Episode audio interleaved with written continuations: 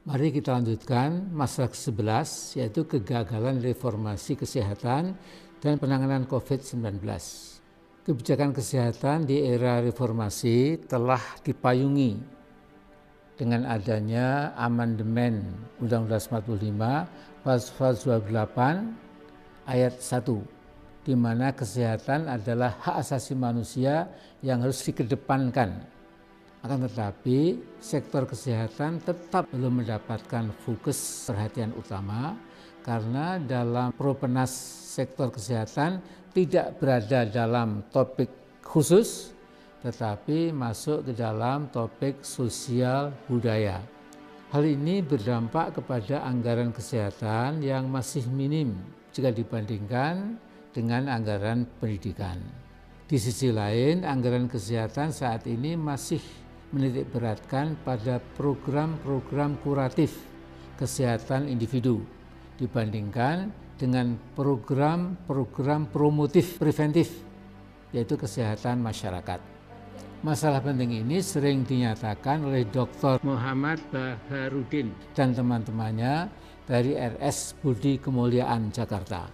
Nah, sebagaimana dicanangkan oleh WHO tentang Universal Health Coverage atau UHC, Indonesia pun turut berperan serta dengan dilaksanakannya program Sistem Jaminan Sosial Nasional SJSN. Di banyak negara implementasi UHC dilakukan secara bertahap, hati-hati dan disertai penguatan pada blok sistem pelayanan kesehatan yang komprehensif seperti yang diamanatkan oleh WHO dalam bentuk roadmap indikator UHC dengan melibatkan penerapan IT, sistem pembayaran, partisipasi masyarakat, dan para provider pelayanan kesehatan.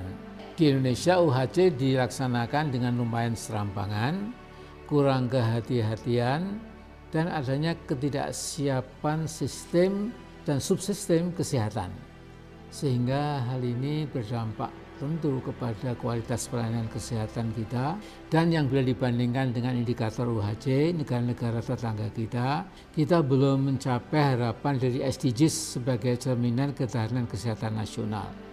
Indonesia sudah membuat roadmap SJSN di mana koordinasi setiap elemen stakeholder dan peningkatan coverage atau cakupan kepesertaan direncanakan secara tepat dalam lima tahun. Namun yang terjadi di lapangan koordinasi dan pelaksanaan peran masing-masing elemen stakeholders tidak berjalan dengan baik.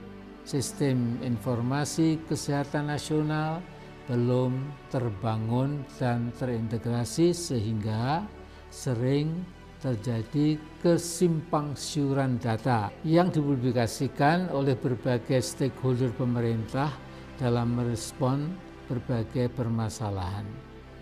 Dengan demikian, saudaraku, pengambilan keputusan tidak dilakukan dengan data yang betul-betul sahih dan proses keputusan kebijakan yang kemampuan leadershipnya berbeda-beda di setiap daerah. Dalam situasi seperti di atas dan permasalahan turunnya aktivitas ekonomi karena dampak global terjadinya peristiwa wabah COVID-19 di Wuhan yang menjalar ke seluruh dunia sehingga pada bulan Maret terjadi di Indonesia. Respon dan reaksi pemerintah sangat beragam, bahkan cenderung anti sains dan melecehkan bahaya pandemi COVID-19 ini aktivitas anti sains yang menyatakan bahwa pandemi COVID-19 adalah konspirasi politik global. Pernyataan bahwa COVID-19 bisa diatasi dengan kalung herbal sangat kontradiktif dengan logika keilmuan dan keilmiahan. Leadership pemerintah seyogianya menangani pandemi dengan pendekatan crisis management menghidupkan struktur, mencari orang yang tepat dan tangkas, yang mampu menyelesaikan permasalahan bersama-sama dengan tim. Namun, dalam mengatasi krisis, hal yang terpenting adalah melihat bagaimana proses penanganannya dilakukan. di mana harus didasarkan kepada pendekatan terhadap struktur, person, dan problem solving, bukan kepada badan-badan ad hoc yang bersifat temporer. Pendekatan WHO dengan tes trace and threat tidak dilaksanakan dengan cepat di Indonesia disebabkan oleh berbagai hal yang terkesan keputusan tidak dibuat dengan pendekatan sains, tidak partisipatif dan tanpa empati serta dilaksanakan setengah hati. Ini pemerintah harus fokus pada penanganan COVID-19 sebaik mungkin. Selama masalah COVID-19 ditangani amatiran, perbaikan sektor ekonomi, sosial politik juga akan terhambat. Bahkan kehidupan berbangsa, bernegara, dan keutuhan NKRI jadi pertaruhan. Akibatnya bisa dahsyat pemerintah berperan dalam testing, isolating, and treating. Testing kita masih rendah dari satu per seribu penduduk per pekan. Baru tercapai kurang dari 40 persen. Daerah-daerah harus menyediakan rumah sakit darurat untuk pasien COVID tanpa gejala dan yang ringan. Wacana membawa pasien COVID dari Surabaya ke Pulau Galang, misalnya, menunjukkan pemerintah daerah belum siap. Harusnya rumah sakit darurat cukup di Jawa Timur, Surabaya misalnya. Pengaturan rumah sakit COVID dan non-COVID harus dilakukan. Saat ini tidak ada pembatasan. Semua rumah sakit terpaksa tangani COVID-19. Hal lain, pemerintah jalan sendiri.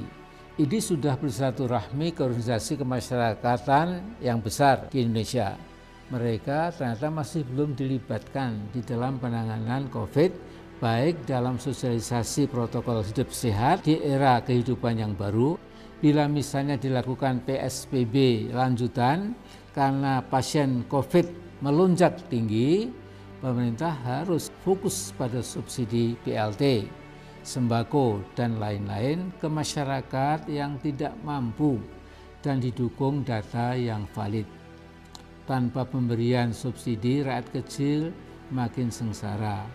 Mereka akan memaksa untuk bekerja, ya, mencari nafkah yang berakibat protokol kesehatan akan gagal. Masalah di profesi yang perlu dukungan pemerintah yaitu ketersediaan APD standar harus cukup, tidak boleh kurang tenaga medis berguguran oleh COVID-19 dan angkanya mencapai 6,5 persen. Angka ini adalah tertinggi di dunia, luar biasa. Ya. Dibandingkan dengan AS cuma 0,16 persen dan Inggris 0,5 persen. Jika ini terus dibiarkan maka bukan tidak mungkin. Kemudian Indonesia akan menjadi negara darurat tenaga medis karena kekurangan tenaga medis yang handal. Nah dampak masalah kesehatan masyarakat yang lebih jauh dari COVID-19 adalah beban ganda, multiple burden yang akan menjadi semakin berat. Penyakit infeksi seperti TB, HIV, malaria, masalah kematian ibu dan anak akan semakin meningkat seiring dengan meningkatnya kasus-kasus non-infeksi seperti kanker, masalah cakupan imunisasi, kesehatan reproduksi, dan kemiskinan yang merajalela.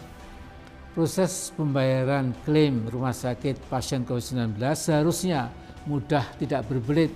Rumah sakit perlu cash flow untuk tetap memberikan layanan di kala sulit.